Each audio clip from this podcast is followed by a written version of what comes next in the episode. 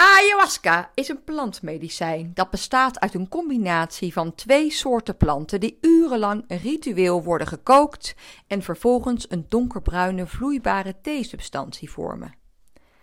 Dit plantmedicijn komt uit de jungle van Zuid-Amerika en wordt daar al eeuwen ingezet voor mensen die op zoek zijn naar lichamelijke of geestelijke genezing van wat dan ook. Het medicijn heeft een hallucinaire werking en je kunt tijdens je psychedelische reis, zoals dat heet, van alles ervaren. Je kunt visioenen krijgen, in een volledige droomstaat komen of allerlei vorige levens ervaren. Bewustzijnsverruimend bedoeld. Je komt los van je huidige identiteit, van degene met wie jij je identificeert, en je kunt hier zo los van raken dat je helemaal op kunt gaan in de liefde van het alles dat wij zijn. Dit wordt meestal in een groep gedaan, in ceremonievorm en begeleid door ervaren shamanen. Dit middel staat ook bekend vanwege de purge, ook wel la purga, een soort fysieke en geestelijke reiniging, omdat je ervan kunt gaan kotsen en er diarree van kunt krijgen. En waar je dit normaal probeert te vermijden, is dit tijdens je ayahuasca-reis iets wat je enorm kan opluchten, waarna er vaak nieuwe inzichten en ingevingen tot je komen. Het is een ritueel dat meestal na zonsondergang plaatsvindt en 4 tot 8 uur kan duren. Ik word geroepen door moeder ayahuasca. Ik heb een aantal mensen ontmoet die mij erover vertelden. Ik wil het. Ik ben tot alles in staat. Ik wil juist losgekoppeld worden van de identiteit die ik heb gevormd en gekregen de identiteit die ik niet helemaal meer ben, maar ik vooral heb ingezet om het te beschermen tegen een, een innerlijk monster dat in me leeft, waarvan ik nog steeds niet weet wat het precies is, maar waarvan ik wel voel dat ik er klaar mee ben. Een monster dat me opjaagt, onrustig maakt, zelftwijfel zaait en van alles van me vindt. Ik ga in zee met Maestro José uit de jungle van Peru. Het doel van Maestro José en zijn familie is mensen weer in contact laten komen met hun diepste zelf. Daar waar het zaadje van hun levensenergie zich bevindt. Met hun diepste essentie, vol creativiteit, nieuwsgierigheid en oplossingsvermogen.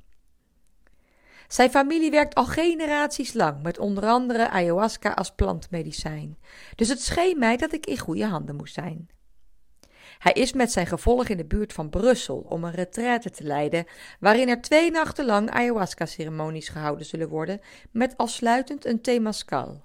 Dat is een zweethut, waarin je door het proces van wedergeboorte gaat en alles in je laat afsterven wat je niet meer nodig hebt. En dat is dan meestal gelinkt aan wat er tijdens jouw persoonlijke reis naar boven komt.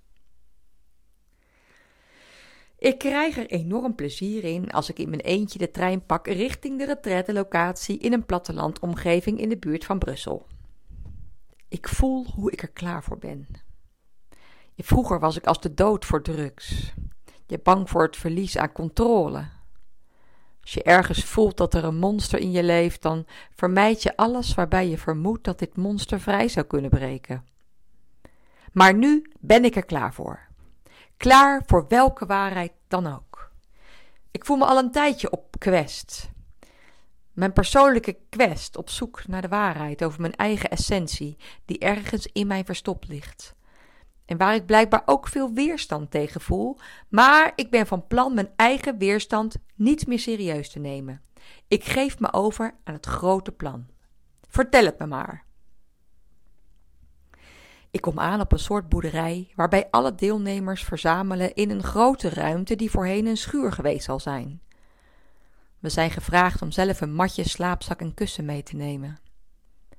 Ik zie dat al veel mensen een plaats gevonden hebben en dat er zich een grote kring van matrassen heeft gevormd. Zo'n dertig mensen, denk ik. Sommige mensen kennen elkaar of zijn aan het kennismaken. Ik voel me rustig en laat het op me afkomen. Ik luister wat mee naar mensen die al ervaring hebben en maak kennis met de mensen die aan beide kanten naast me liggen. Het lijkt echt eindeloos te duren voordat de ceremonie een keer gaat starten, omdat ze echt wachten op zonsondergang en dat duurt lang in de zomer. Langzaam wordt het donkerder in de ruimte. We krijgen eerst allemaal een dosis speciale tabak, rapé genaamd, met een krom smal pijpje in onze neus geblazen. Deze dosis zorgt ervoor dat er al een eerste bewustzijnsverruiming plaatsvindt. Het zet bepaalde kanalen open, waardoor je meer ontvankelijk bent voor inspiratie en informatie uit het universum.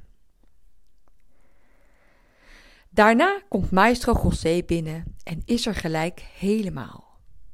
Dit is zijn magische domein. Het is een markante verschijning die bescheidenheid en rust uitstraalt. De ayahuasca-ceremonie zal binnen niet al te lange tijd starten. Hij maakt contact met de groep, vertaald door zijn helper, en hij vertelt dat hij tijdens de ceremonie de Icaros zal gaan zingen. Dit zijn mantra-achtige inheemse Zuid-Amerikaanse liederen.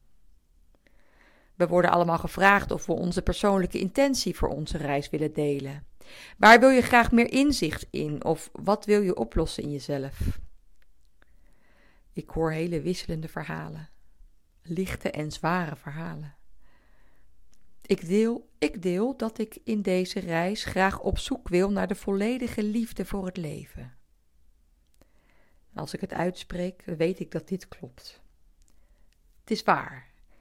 Dit is wat ik wil kunnen ervaren, wat ik er ook voor moet doen. Het is ondertussen aardedonker. Er is alleen wat kaarslicht aan, wat helpt om te zien waar je jouw dosis ayahuasca-thee kunt halen en hoe je naar het toilet kunt komen. Om de beurt gaan we naar Maestro José. Ik ga voor hem zitten en hij blaast ritmisch als een lied over de thee heen.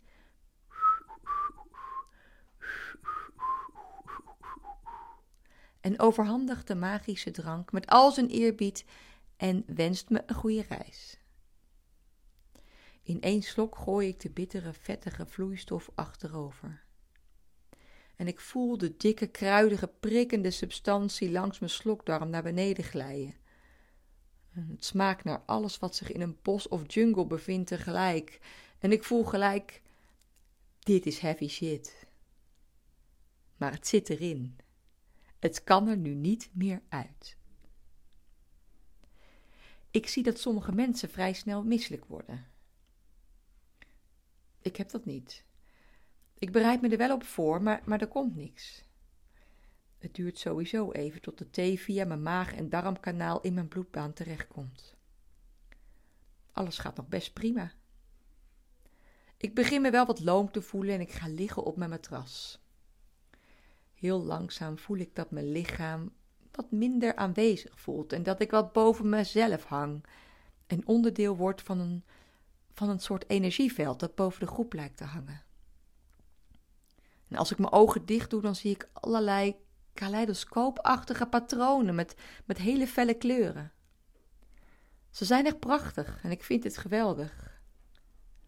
Ik voel me mellow en alsof ik aankom in het paradijs of de hemel.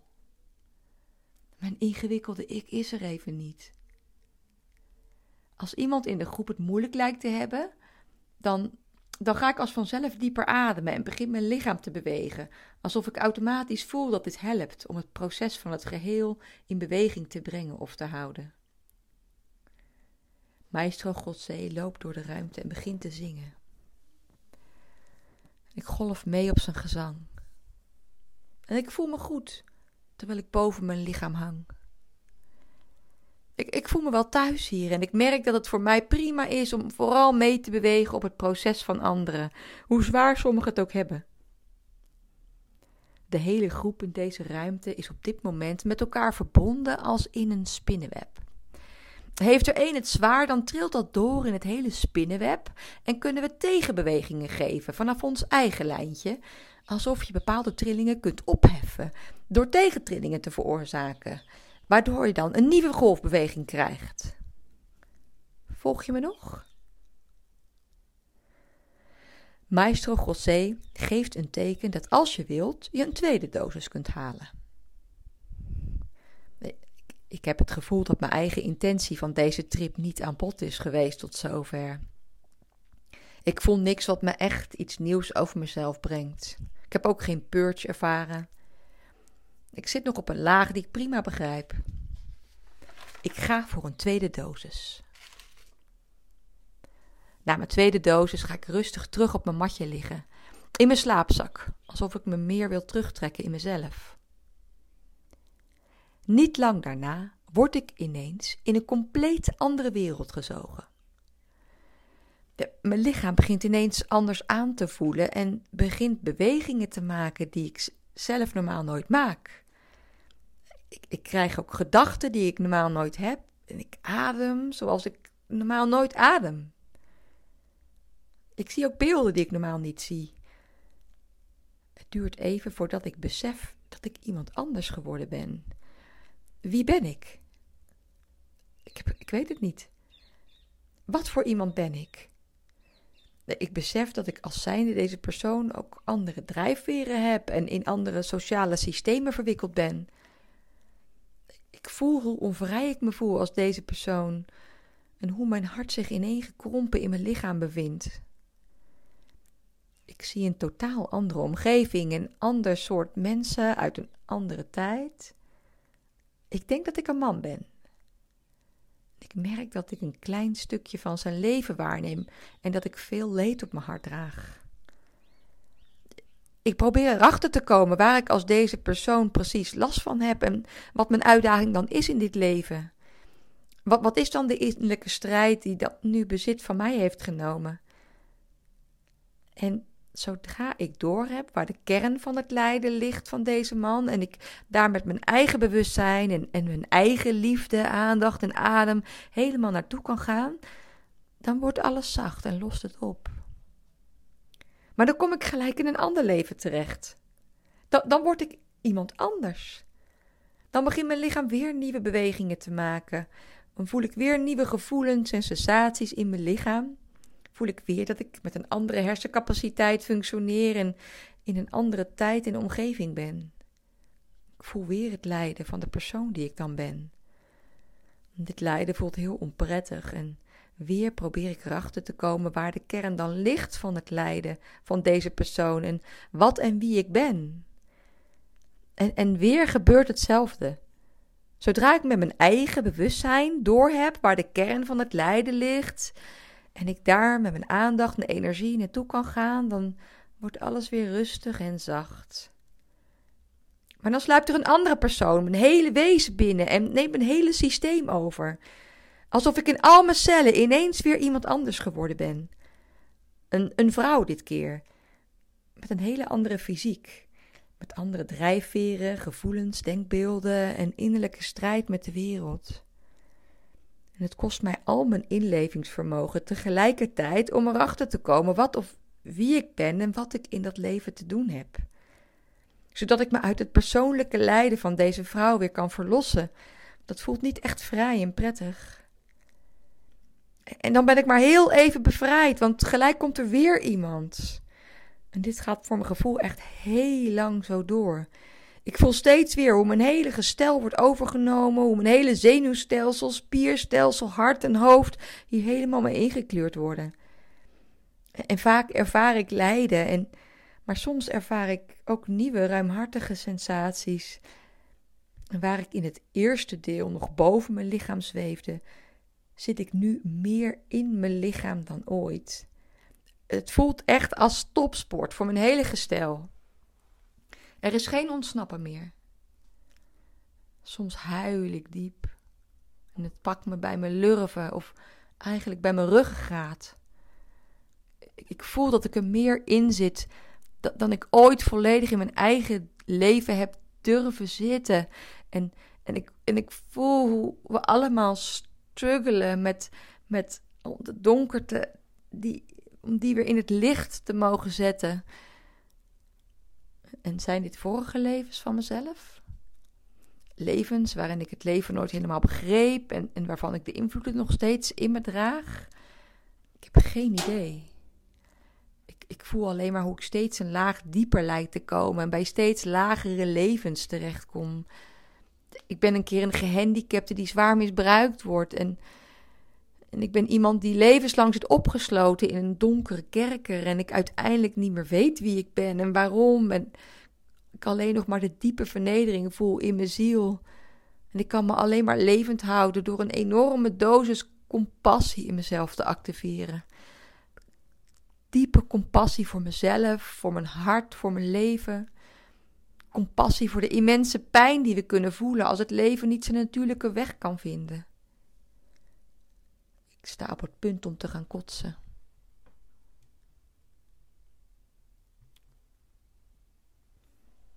Ik ben enorm misselijk, maar echt loskomen wil het niet. De ochtendschemer komt door de kieren van de gordijnen heen.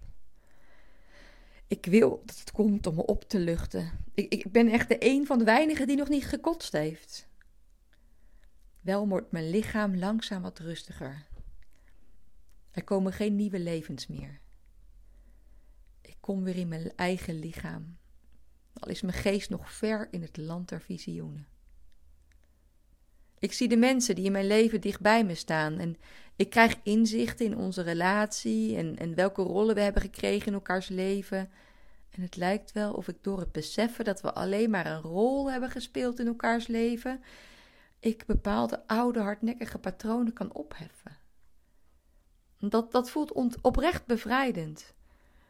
Alsof ik ineens inzicht krijg in het scenario waarin ik een rol in heb en dat ik me door het inzicht juist ook van deze rol kan ontdoen.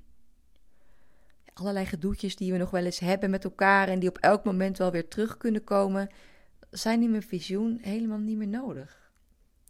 Zo hoor ik het ook in mijn oor. Het is niet meer nodig. Het is niet meer nodig.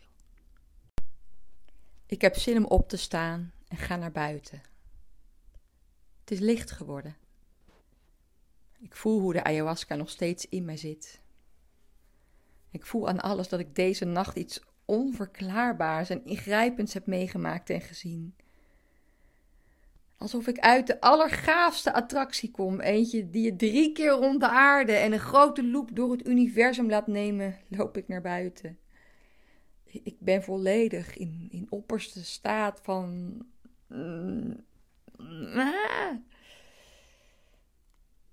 De tweede nacht houd ik het rustig en neem ik één dosis. Ik voel aan alles dat mijn gestel niet nog een keer zo'n intensieve reis aan kan. Ik heb een lichte reis van een paar uur, die dit keer meer in het hier en nu lijkt te blijven en waarin ik emotionele gesprekken met mijn huidige partner lijk te hebben. Ik voel tijdens de reis welk verhaal er tussen ons in is komen te staan en we hebben een hoop bij te praten. Ik ben af en toe misselijk, maar kotsen doe ik niet. De laatste ochtend gaan we de zweethut in. Ik kom net op tijd aan. Het is een ceremonie waarin je denkbeeldig wordt meegenomen door negen fases van ontwikkeling in de baarmoeder. De ayahuasca is niet mijn lichaam uit en ik reis weer verder. Dit keer heb ik een visioen met daarin de hoofdrol van mijn jongste kind. Ze is na onze verhuizing van Congo naar Nederland heel licht geraakt gebleven en huilt veel en vaak tot grote irritatie van andere familieleden. Nu ben ik het die onbedaarlijk huilt. En ik voel het bevroren kind in mezelf. Ik huil de tranen voor haar en het is ongelooflijk hoe intens een mens kan huilen. Ik zit de hele ceremonie met alle negen fases als een van de weinigen helemaal uit. Het is donker in de hut, klein en warm. En na de negen fases stap ik naar het helverlichte buiten, waar de felle zon hoog aan de hemel op mij wacht.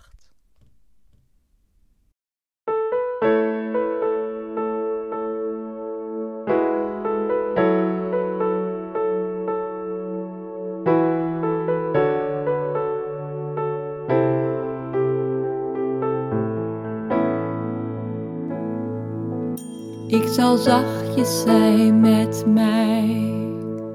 Ik zal zachtjes zijn met mij.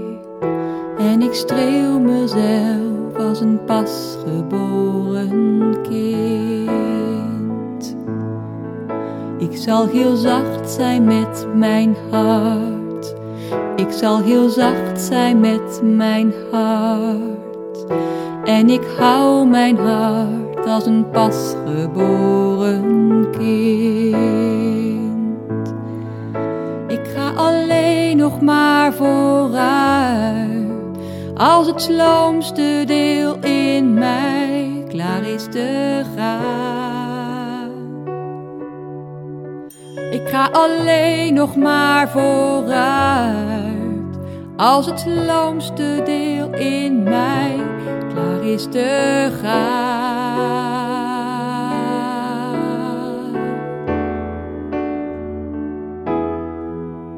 Ik zal zachtjes zijn met mij. Ik zal heel zachtjes zijn met mij. En ik kijk naar mij als een pasgeboren kind. Ik ga alleen nog maar vooruit. Als het sloomste deel in mij klaar is te gaan.